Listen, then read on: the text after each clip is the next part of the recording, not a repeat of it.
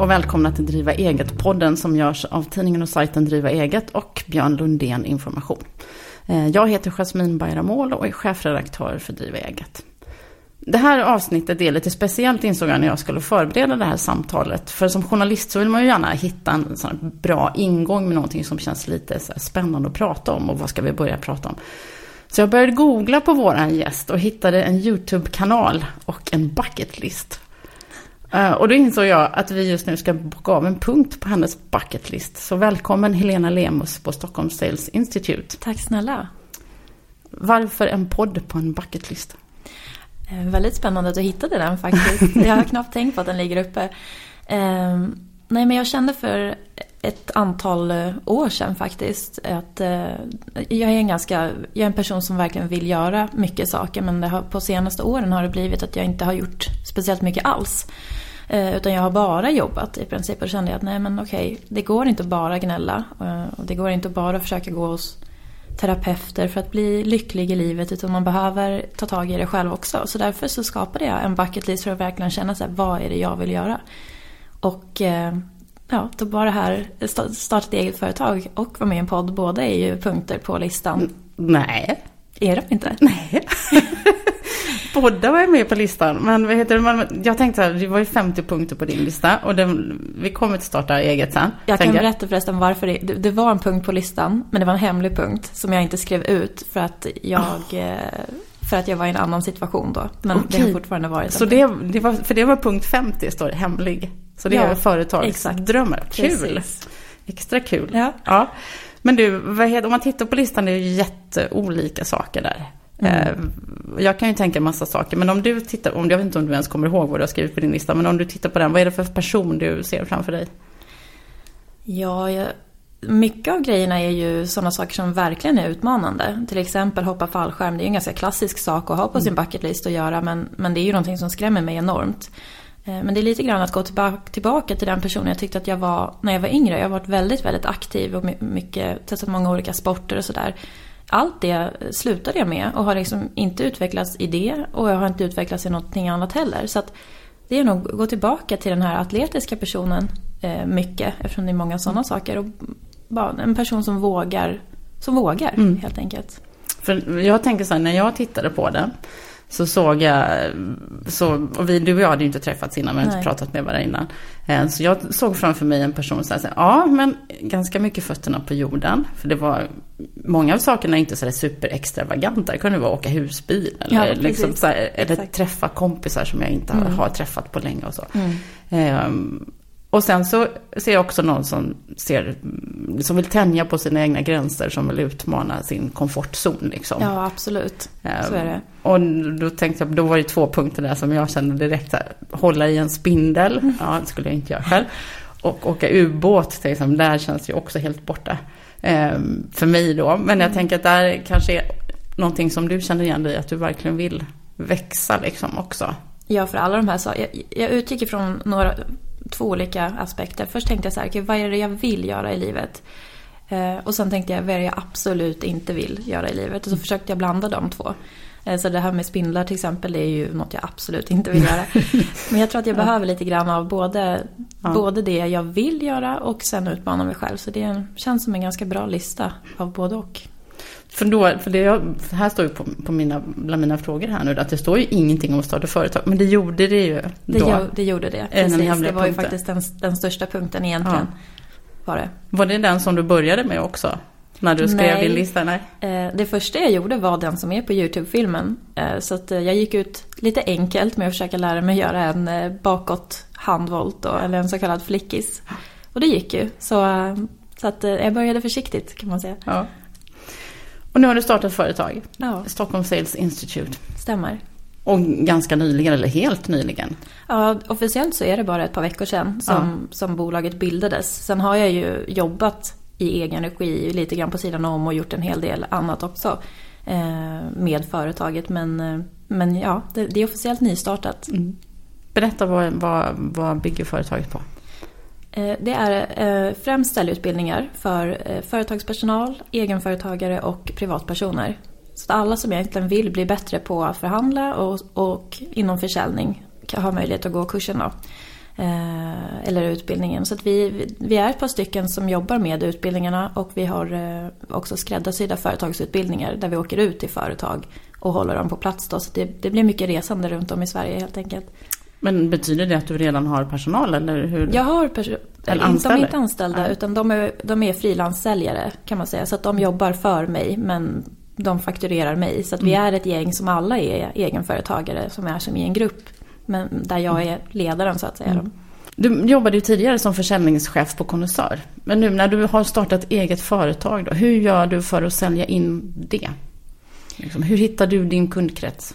Alltså faktum är, att, och det tycker jag är väldigt roligt, att det är många som har hittat mig redan. Eh, och det är, ju, det är ju mycket word of mouth och så vidare. Och jag, har, jag har många kontakter sedan tidigare, jag har ett ganska stort nätverk från konnässörtiden. Ehm, så att det har hjälpt mig en hel del. Och sen jobbar jag ju såklart med marknadsföring, jag finns på de här större sajterna där man kan hitta utbildningar och så vidare. Ehm, men sen så är det ju fortfarande så att man måste vara aktiv själv också. Man måste sätta sig ner och göra en klassisk ringlista så att säga. Och verkligen försöka, vilka kunder är det jag vill nå? Och sen måste man ju berätta för dem att man finns. Så det, det är en mix av alltihopa. Men jag har haft tur hittills att, att faktiskt ha fått kunder som har hittat mig. Grymt. Mm. Men så då, du startar inte egentligen från noll utan du startar med ett kliv framåt redan? Det är från noll, men jag ska säga från noll till start så gick det väldigt, väldigt fort. Det är nästan så att man själv tänker att men gud var det så här lätt? För alla har ju sagt att det är så svårt.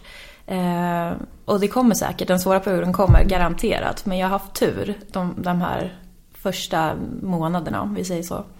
Så det har varit en smooth start som företagare? Ja, faktiskt. Ser du dig själv som företagare nu då? Ja, absolut. Det, jag känner mig så hemma i företagandet. Jag känner mig som att det här är det som jag är född att göra och jag har äntligen hittat det. För jag har aldrig någonsin känt mig hemma någonstans egentligen. Jag har haft fantastiska jobb. Men jag har aldrig känt den här glöden. Jag har gjort jättebra ifrån mig men det har mer varit, det har kommit från något annat ställe. Nu kommer det mer inifrån. Så att eh, ja, absolut, det här är, det här är jag. Vad handlar det om tror du? Att, du? att det kommer inifrån? För att du är egen? Jag vet inte, men jag, eh, någonting som jag har kämpat väldigt mycket med det är den här eh, känslan hos mig att jag vill bestämma själv. Jag har faktiskt väldigt svårt att ta råd från andra och jag har garanterat svårt att ta order från andra också. Och det är ju någonting som, eh, som jag förut har försökt kämpa emot och jag har, jag har ändå alltid varit väldigt tillmötesgående och sådär men jag har känt att det varit ett problem. Eh, och i ganska mycket i livet nu så tänker jag att nej men jag kämpar inte emot så himla mycket längre utan okej nu är det de här förutsättningarna som gäller. Att jag, jag tycker att jag har bra idéer själv. Att, ja, och då, då lever jag ut dem helt enkelt. Coolt. Men det är ganska modigt också tänker jag att våga bestämma sig för att ah, men nu, jag, jag är tillräckligt bra själv. Ja, men tack. Ja. Jo, det, det känns modigt ja. och lite läskigt. Mm.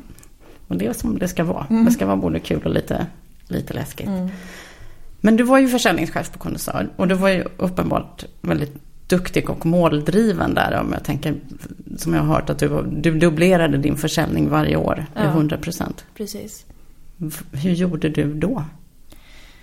Det kom väldigt mycket ifrån den dåvarande chefen jag hade som är en av ägarna till Kondensör. Erik Leander heter han. Han är otroligt duktig på försäljningsteknik, förhandlingsteknik samt att han är väldigt duktig på att hitta personalens, eh, det som är bäst hos sin personal och att verkligen driva dem framåt.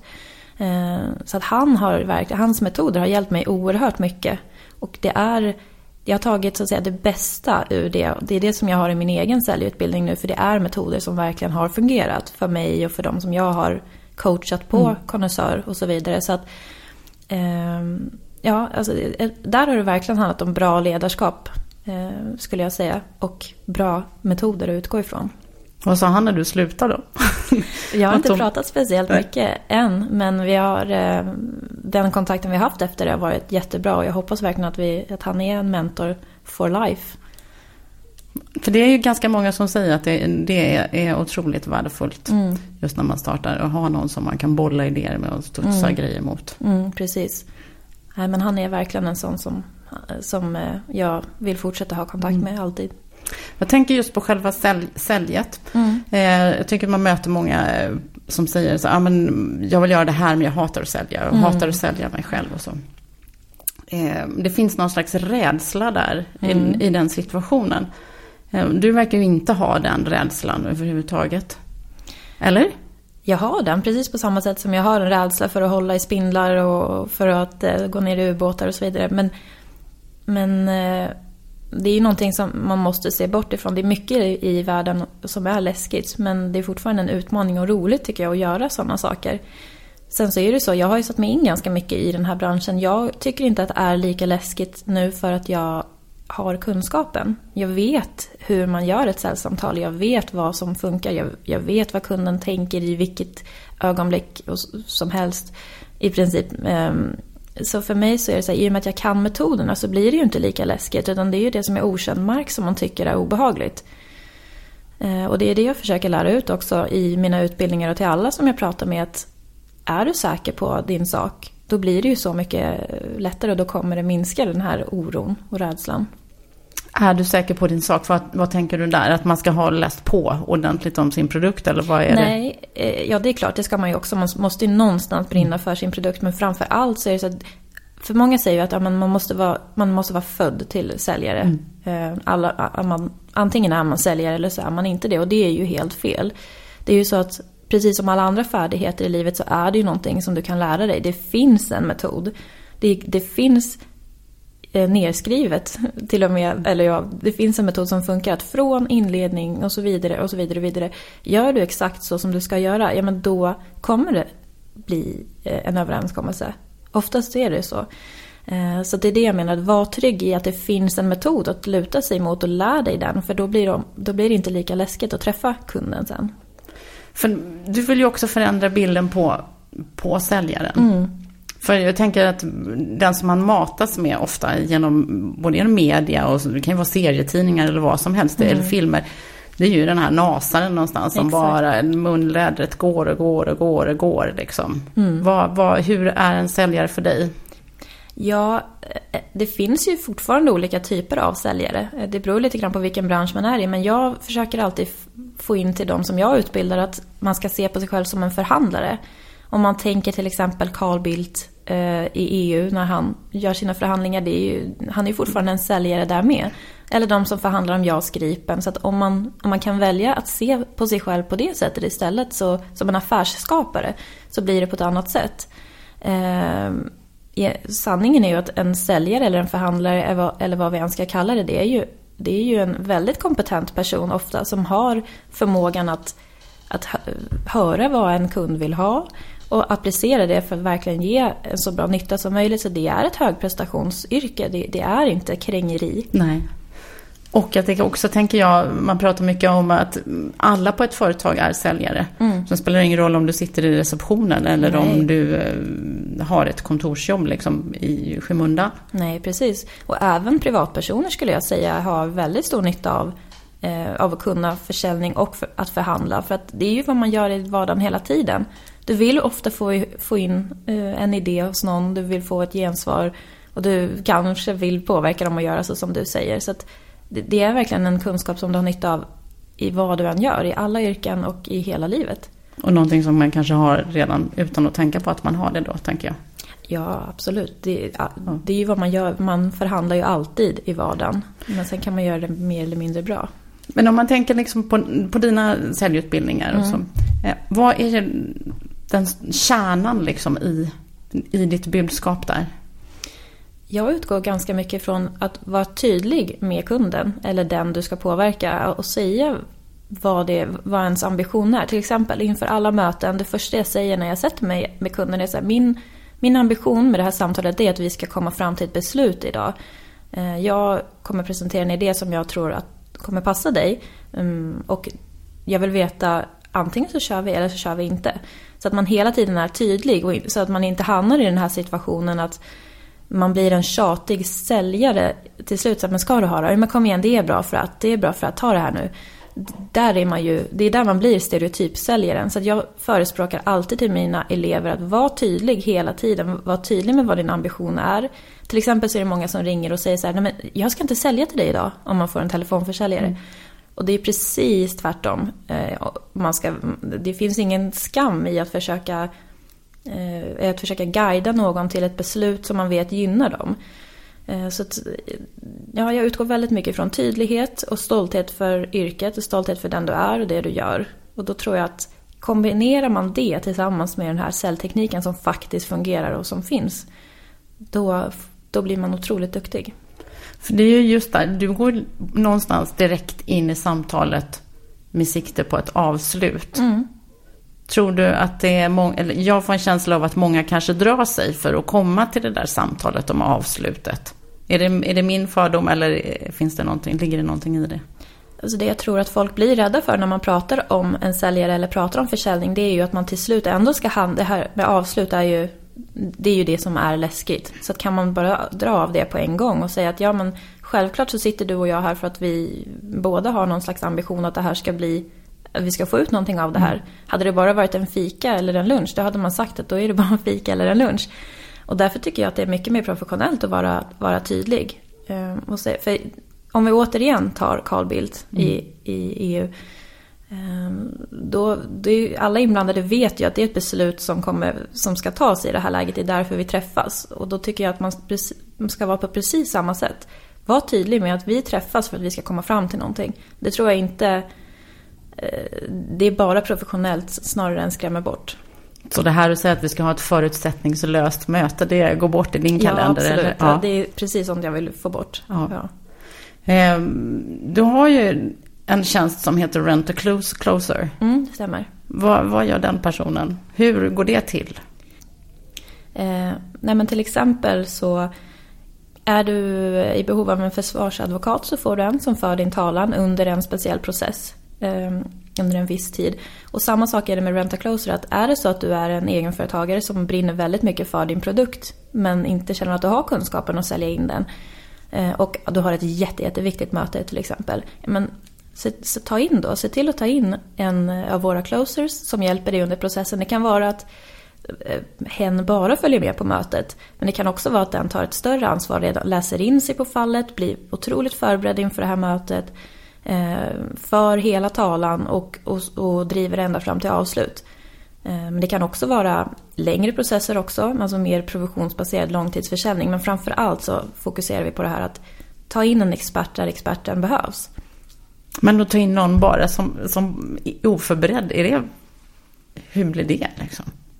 Det låter lite konstigt i mina öron. Nej, men det, ja, det är klart man ska vara förberedd. Det går ju inte att bara hoppa in Nej. i mötet. Men, men ibland kan det, kan det vara skönt, lika väl som man tar med sig en förälder till ett läkarbesök till ett barn. Ja. Att man har någon som ändå man kan luta sig emot. Oftast kan det hjälpa också att man har någon som man vet att okej, okay, om det blir en förhandling av det här så har jag någon som mm. faktiskt kan driva det. Och kan, för den här personen har ju varit med under mötet och kan höra vad som har sagts och så vidare. Och vara stark när det väl gäller sen i avslutet. Eh, men självklart så är det oprofessionellt att inte vara påläst såklart.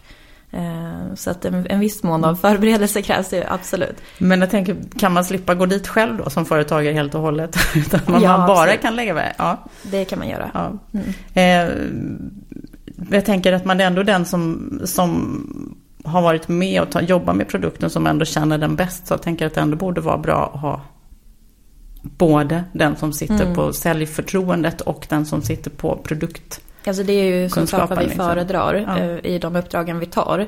Eh, sen så är det ju alltid upp till företaget och det kan, ibland kan det ju vara lite märkligt att det inte kommer någon representant från företaget mm. utan en extern. Eh, men det är ju någonting som man får prata ihop sig kring. Det kan ju vara så att vi har tagit större uppdrag. Om det är en stor, alltså flermiljonsförhandling som vi ska gå in i. Då är det klart att då ägnar vi ju flera månader åt den och läsa på och verkligen gå igenom alla siffror, alla papper, allt möjligt. Precis så som en advokat gör inför ett fall. Att man driver hela den processen. Men när processen är slut så är samarbetet över. Mm. Det låter ju som att du är så full av självförtroende i de här situationerna. Man går in och tar en förhandling bara så här, och det kan vara hur mycket pengar som helst. Var kommer det självförtroendet ifrån?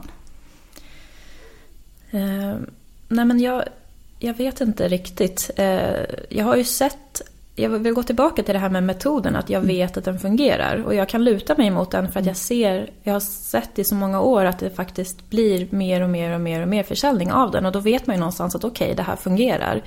Eh, och jag, jag, känner mig trygg i rollen som säljare och som företagsledare. Och, eh, jag vet inte riktigt var den, var den härstammar ifrån. Du har den bara? Ja. Eh, metoden, kan du berätta någonting mer om metoden? Mm. Kan du beskriva den? Den är ju, om man ska titta på den bara så som den är, så är den ju väldigt eh, klassisk och ganska stel. Det är ju en, det, man måste följa metoden, eller metoden så som den är. Att det är inledning som följs av en behovsanalys, som följs av en presentation och sen ja, efterhand kommer ett avslut. Men det är det att det finns så många olika sätt att göra det på. Eh, som, inte, som gör att man absolut inte märker att det är de olika stegen som man är i. Eh, så att det blir lite mer sömlöst om man ska säga så. Och självklart andra tips och tricks som är i den. Mm. Var någonstans, går det att säga var någonstans som eh, era elever då, eller vad man ska kalla dem för, får sin aha-upplevelse? Det var ganska kul faktiskt för jag hade ett föredrag nere i Göteborg förra veckan och där märkte jag från början att det var inte riktigt rätt publik. Eh, utan de var inte alls sugna på att sälja. Det var vdn för företaget som gärna ville att de skulle sälja. Så det var ju nästan så när jag kom dit att, åh nej, varför ska vi ha säljutbildning? Mm. Det var så det började. Känns jättebra att komma ja, in där. Ja, exakt. Så att det var ju en uppförsbacke då från början. Men, men jag märkte där efter ett tag att, och det är precis samma när det, när det gäller sälj, att någonstans så finns det en sån här knapp eh, där man märker att okej, okay, nu föll poletten ner. Och det var ju den jag var tvungen att hitta under det här Eh, föredraget också då. Eh, och det var när jag pratade om, om vi tittar på till exempel presentationen, vilket är när man ska som säljare då lägga fram argument till kunden varför de ska gå med på det här beslutet eller varför de ska köpa produkten eller vad det än kan vara. Oftast är det ju så att säljare bara listar argument, att det här, du ska ha den här för att den är ergonomisk, den är billig, den är snygg. Det är bara argument på argument. Men då pratar jag väldigt mycket om att hitta betydelsen av argumentet. Alltså till exempel om argumentet är eh, den här är ergonomisk. Så kan man istället dra det till att den är ergonomisk, vilket betyder att du kommer få mindre ont i ryggen. Vilket betyder att du kommer bli mindre sjukskriven och blir du mindre sjukskriven så kommer du eh, inte förlora lika mycket pengar. Om du har mer pengar så kan du åka på resan mm. Eh, i vinter. Och att man då istället... Följdeffekter. Ja men liksom. precis. Ja. Att man istället för att prata om själva ergonomin så pratar man om möjligheten att åka på en extra semester i, i vinter istället. Um, så, och, och, när de förstod den processen då märkte jag att ja, men då tyckte de att det var kul. För att då förstod de att det finns saker att jobba med. Mm. Eh, gå tillbaka till det här med konnässör. Mm. Eh, för där, jag vet inte om våra lyssnare vet vad konnässör är, men det är ju en miljonärsklubb kan man säga, som mm. vänder sig till personer som har en eh, inkomst på minst 1,9 miljoner kronor om året. Mm. Jobba med en sån målgrupp av människor som du uppenbarligen går väldigt bra för, mm. måste man ju ändå säga. Påverkar det hur du har satt ribban för dig själv och dina mål? Ja men det tror jag, absolut. Jag har ju lärt känna många som är medlemmar i Konnässör och många, och de är ju de är ju ganska duktiga företagare allihopa. Det är ju personer det går bra för så att säga, för att de har kompetens inom sitt område. Så det finns otroligt mycket kunskap att hämta där. Sen är det så att de har inte varit den primära eh, målgruppen för mig, eller det är inte de jag har jobbat med mest, utan det är ju kunderna som vill nå den målgruppen. Så det är ju vd och bolagsägare för större företag som har en ambition att sälja dyra varor mm. till de som kan köpa. Så det är, ju, det är ju där jag har fått det mesta gällande mitt företagande. Att jag ser hur de jobbar, jag ser vilka kampanjer de gör, jag ser vad de har, vad de har för driv. Och har lärt mig jättemycket av alla de företagsledare som jag har haft som kunder. Nära samarbete med. Så att det har gett mig otroligt mycket. Mm. Du beskriver ju dig själv som en väldigt ambitiös person. Mm. Eh, och ja, du, du har uppenbarligen höga mål för dig mm. själv. Men du har ju också kommit med en ganska hög prislapp. Ja, det stämmer. Kan du berätta om vad var det som hände? Eh, nej men jag, jag har alltid varit den här ambitiösa tjejen. Eh, ända sedan jag var liten och det har gått igen ända sedan i, i skolan. Jag, jag gick då på den, det absolut eh, tuffaste gymnasiet som fanns på min ort som sen blev elitskola. Och jag har alltid så sökt mig till de eh, områdena eller vad jag ska säga. Men sen så är det så att för ungefär ett år sedan så kände jag att nej men det går inte längre. Eh, och det här är jag ju inte ensam om. Men jag drabbades av en utmattningsdepression eh, som varade i ungefär ett år, eller det tar ju tid att komma ur den. Mm. Eh, där jag verkligen har fått omvärdera väldigt, väldigt mycket eh, i livet. Hur jag jobbar och, och vad jag kan göra. Därav den här bucketlisten. Mycket mm. har tillkommit tack vare den här utmattningsdepressionen. För jag vill säga att det både är en det är en väldigt stor sorg i livet att jag drabbades av den men det är också någonting som har lett till så mycket bättre. Men, eh, men det är någonting jag gärna pratar om i media och jag tycker att det är någonting som vi, vi måste lyfta ännu mer. För att även om folk är medvetna om det idag, det är många, speciellt yngre tjejer men också män, som, eh, som blir utbrända och vad jag ser så finns det inget stopp på det än. Nej, jag Så- tror inte det är någon som ser något stopp på Nej, det. Nej. precis. Men hur, gick, hur märkte du att du blev sjuk? Liksom? För man hör ju ibland om folk som bara vaknar och bara Mm. gråter plötsligt en dag. Från att inte har varit där kvällen innan. Hur såg det ut för dig just när, när du fattade att nej, men nu funkar det inte? Ja, alltså genom allting så har jag presterat jättebra. Alltså, det har varit så att jag har vaknat på morgonen och gråtit. Men jag har ändå gått till jobbet jobbet, och presterat. Men någonstans så, så jag skulle inte säga att väggen kom så. Utan väggen hade redan kommit på något sätt. Men jag körde på för länge i alla fall. Men de sista veckorna innan, innan jag blev sjukskriven så satt jag väl mest bara och stirrade in i skärmen. Och sen så har jag haft ett sömnbehov som är ungefär 16 timmar per natt. Eh, Så att jag, och då, det går ju inte då. Så att det jag gjorde nu det är att jag har sovit i ett år ungefär. Du har sovit i ett år. Exakt. Så det var sömnen där som jag insåg. För jag, Men hur mycket hade du sovit innan dess då? Jag har alltid haft ett, stor, ett stort sömnbehov men när jag inser att, att det blir bortåt 16 timmar där per natt då förstår man att det, så här kan det ju inte vara. Nej. Jag, Jag tänkte om du hade haft, att du inte hade sovit då på, att du hade sovit alldeles för lite under en längre period så att du på något sätt var Nej, jag helt tror, slutkörd min, jag tror att min hjärna var bara så överhettad av Ja. allting. Så, att, eh, så att den behövde så pass många timmars eh, liksom, ta igen sig. Mm. Då är det ju inget liv kvar sen. Nej, precis. Du, när du blev sjukskriven, vad gjorde du då? Förutom att sova liksom. Hur, var det då som tankarna på att starta eget också växte till sig? Ja, men de har funnits länge, har Mm. de. Eh, sen blev det ju tråkigt när man blev sjukskriven för där har jag ju... Jag har ju inte haft ork för eget företag Mm. heller såklart. Det har man ju inte. Är man heltidssjukskriven så är man det och då, då är man det. Men, eh, men ja, efter några månader som sjukskriven så började jag ändå känna att det var någonting som, som började spira. Jag märkte att det enda som jag blev glad av och det enda som gjorde mig ändå lite peppad på framtiden, det var det här med eget. Eh, så det har faktiskt varit en ganska stor räddning när själva idéerna började komma till en. För det är ju det också att är man utbränd så, ser man ju inte, man har inte speciellt mycket idéer överhuvudtaget. Utan det är mer att okej, idag ska jag gå upp och sen så ska jag försöka göra någonting innan jag lägger mig i sängen igen. Eh, Eh, Så att, eh, ja men det är skönt när man börjar känna sen att okej, fan, det, det som känns kul nu, det är, om jag tänker på det här så pirrar det i magen och då känner man att det finns Det någonting. finns något kvar. Mm, ja. För det, annars tänker jag så här, ofta så beskrivs ju företagslivet som, och det är så hårt och man jobbar så mycket och, det, Mm. och jämför det med folk som är anställda som kan gå hem klockan fem och slappna av Mm. och som företagare du aldrig ledig. Mm. Men jag får ändå, till mig på jobbet så kommer det ändå mejl då och då från kvinnor framförallt som har blivit utbrända och som har sett ett företagsliv som lösningen Mm. på, utmattnings, på utmattning och på utmattningsdepressioner. Liksom att, men här fick, jag, här fick jag makt över min tid och mitt liv. Mm. Alltså blev det värt Precis, exakt så gå vidare. känner. Det är Mm. ganska fantastiskt ändå, tänker jag, för det blir som två helt olika bilder av vad ett företagsliv kan vara Mm. och stå för. Liksom. Ja men precis. Och det är ju så många som har sagt alltså, i min närhet att men ska du göra det? Åh, det är så jobbigt, det är så jobbigt.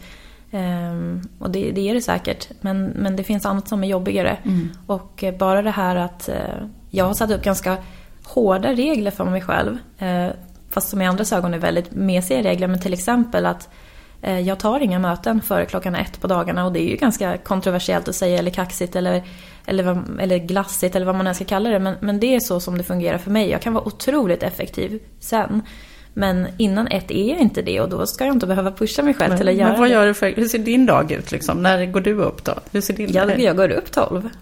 Eh, gör jag. Ja. Eh, och det är för att, ja men samma sak som jag sa tidigare här när vi pratade att det går att pusha sig själv eh, till saker. Men, eh, men jag vill inte göra det. Mm. Helt enkelt. Utan jag, jag är som bäst när jag får sova på morgnarna. Eh, och sen har jag min prime time mellan 23 till 01. Det är, då är jag så aktiv. Eh, så att man får, jag, jag tänker det att eh, nu är det som det är. Jag lägger upp det efter vad jag har för förutsättningar och så blir det bra. Så blir det bra. Ja. Det, är detta din två, Helena 2.0 version? Ja men det skulle jag säga. Ja.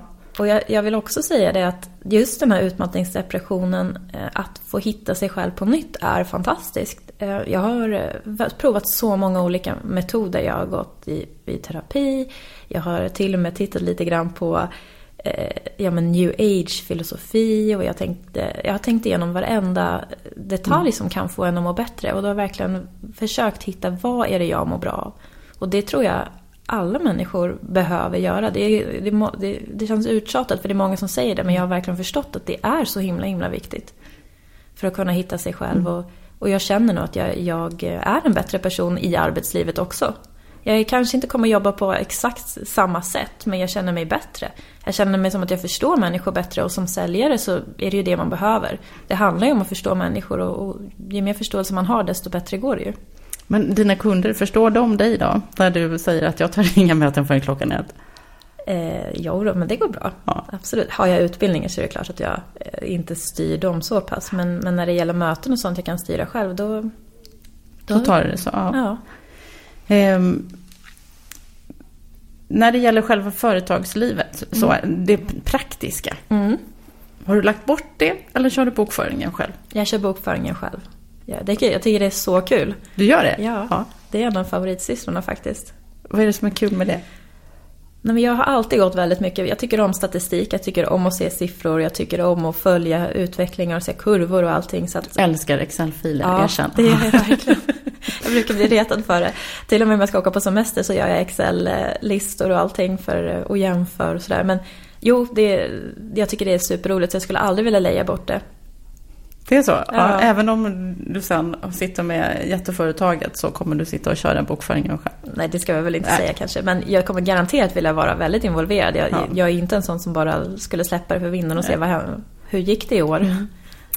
Men vad heter det, hur ser framtiden ut nu då? Vad har du för, hur ser din dröm ut för Stockholm Sales Institute? Men framtiden är väldigt ljus skulle jag säga. Ehm, jag eh, har precis eh, flyttat till ny lokal så att det finns bara att komma in i, på kontoret gör mig jätteglad. Eh, och där finns jättestor potential att, att, att göra mer med det så att säga. Sen, sen har jag dialog med några som verkligen blir anställda nu. Eh, så att vi blir större. Och mitt mål är ju att ha ganska många closers. Eh, för det är ju det som, mm. som företag skriker efter helt enkelt. Ehm, så det, ja, det är väldigt stora planer nu och jag hoppas att det är många företag som ser vikten av att utbilda sina säljare och inte bara säljer och utbildar hela företaget i försäljning så att mm. man på bästa sätt kan öka sin, för det är ju det det handlar om. Någonstans är man företagare så vill man ju öka sin eh, omsättning och då är det, säljarna är det bästa man har. Tillbaks till bucketlistan. Ja. Mm. Nu har vi bockat av en punkt till. Mm. Nu har du poddat. Ja. Vad, står, vad, vad går du på nästa? Åh herregud. Um... Ska jag påminna dig om vad som står på din lista? Jag gör gärna det testa, göra ursprungstest DNA. Det har jag gjort. Det har du gjort? Mm. Okej, det här, är inte, det här var en gammal checklista. Ja. Gå på bad i 1700-talskläder. Ja, den kanske är på, den ja. skulle jag kunna köra på. Ja. göra en dokumentär. Ja. Har du gjort det? Nej, Nej det har jag det inte. Har inte gjort. Nej. Eh, ensamresa utomlands. Det har jag gjort. Det har du gjort. Mm. Börja skriva på en bok. Det har jag gjort. Hon har gjort allting. Vasaloppet? Nej, jag missar ju alltid den där anmälningstiden. Det låter som en dålig utgift. ja, jo, det är det nog. Ja, och ubåten har du inte gjort. Nej. Husbilsemester i Tyskland. Ja, men den, det kanske blir till våren. Det kanske blir till mm, våren. Det känns ja. som en vårgrej. Och tälta i vildmarken. Ja, det känns ju garanterat inte som någonting för, höst, för höst-vinter här. Nu var det kallt redan ja. nu. Så att jag tror. Också Draculas slott i Transylvanien. Ja, det har jag faktiskt varit så sugen på på senaste. Eh, kanske inte just Draculas slott, det är klart man ska se det, men jag har hört att Rumänien ska vara så vackert. Eh, jag åkte förbi där med tåg en gång så var det så här, där någonstans ja. är Dracula slott. Ja, det är min drömresa. Ja. Coolt. Mm. Vi brukar ju alltid avsluta med att vi vill att våra gäster ska dela med sig av lite tips. Mm. Så jag undrar om du har tre tips på hur man skapar sitt företag på sina villkor? Jo, men just jag tycker man ska ta fasta på det här på sina villkor. Att sätta upp för dig själv vad villkoren är och tumma inte på dem. Eh, till exempel som det här att om du inte vill ta möten för en viss tid så gör inte det. Och, och var lite egoistisk. Det här är ditt företag. Och du har startat det för att du har en idé, för att du litar på dig själv. Eh, så fortsätt ha den, det förtroendet för dig själv, skulle jag säga. Och, och tappar du det, försök tänka vad är fokuset, vad var meningen från början? Om du märker att du har alldeles för mycket möten och de ligger på morgonen till exempel, om du nu är en sån person. Ja, men sätt, sätt stopp då och, och tänk återigen, vad var mina villkor? Skriv gärna upp dem, skulle jag säga. Det var ett, har du något mer? Um, ja, eller så omfattade det svaret, alla tre. Ja, det, det omfattade nog det. Um, ge dig själv, jag ska säga, ge dig själv enorm frihet, men ge dig också enormt mycket regler, men som ger dig frihet. Det blir ett ganska komplicerat svar, men, men jag tror att det är väldigt viktigt att lyssna på sig själv hela tiden. Har du inte inspiration en dag, så gör ingenting den dagen då. Eh, tvinga dig inte att göra det. Jag har haft många dagar när jag har tänkt att jag ska göra saker och men så, så går det inte. Och då tänker jag, nej men okej. Eh, det, här kom, det kommer inte leda till något bra i slutändan. Det kommer inte göra mig gott om jag tvingar mig själv här nu. Utan idag får vara en lite sämre dag. Och imorgon så vet jag, för, för man ser ju ett mönster. Så att imorgon kommer jag förmodligen vara mycket bättre och då tar jag allting då. Utan att få dåligt samvete för det. Det är ett sätt att hålla sig frisk också på sikt. Ja, mm. absolut. Toppen! Mm. Vad kul att du kom till oss. Ja, men tack så jättemycket för att vi fick komma. Och lycka till i framtiden. Tack snälla. Hej! Hej!